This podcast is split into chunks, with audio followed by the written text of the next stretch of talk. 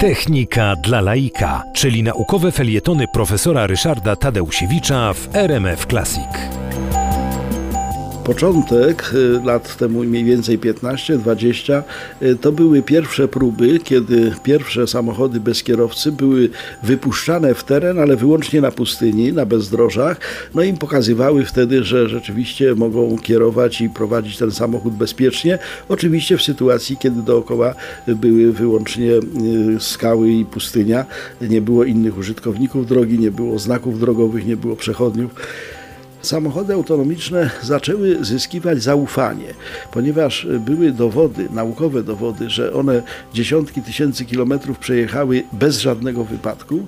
Wobec tego w wielu e, miejscach, w szczególności w kilku stanach Ameryki, e, zostały dopuszczone do ruchu na zasadzie tego, że po prostu wolno takim samochodem jeździć, e, przy czym rola kierowcy ogranicza się do tego, że no, obserwuje albo, albo po prostu partycypuje w tym procesie jeżdżenia, natomiast samochód jedzie sam.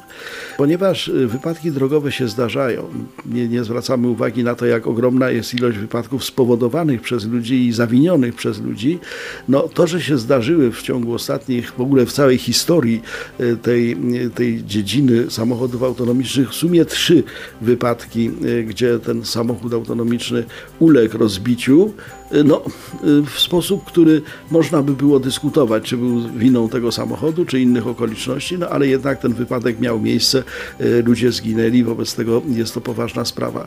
Wydaje mi się, że tutaj stałe doskonalenie zasad, metod, reguł funkcjonowania tych samochodów jednak doprowadzi do tego, że ten margines ryzyka będzie pomijalnie mały.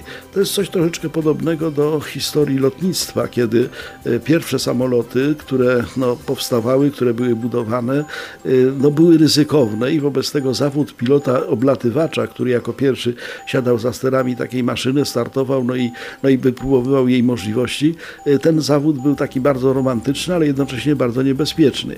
W chwili obecnej samoloty, które produkujemy, z których korzystamy, którym powierzamy nasze życie, lecąc w różne miejsca świata bardzo często, te samoloty są na tyle bezpieczne, że właściwie można już w tym momencie powiedzieć o pomijalnie małym ryzyku związanym z podróżami za pomocą właśnie transportu lotniczego niczego.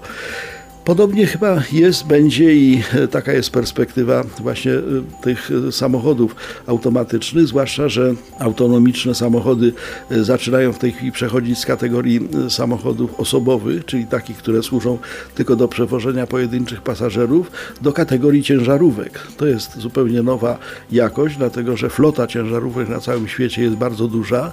Natomiast trzeba przyznać, że każdej nowej technice trzeba się bardzo przyglądać. Technika samochodów autonomicznych jest techniką nową. Wobec tego patrzmy na nią podejrzliwie.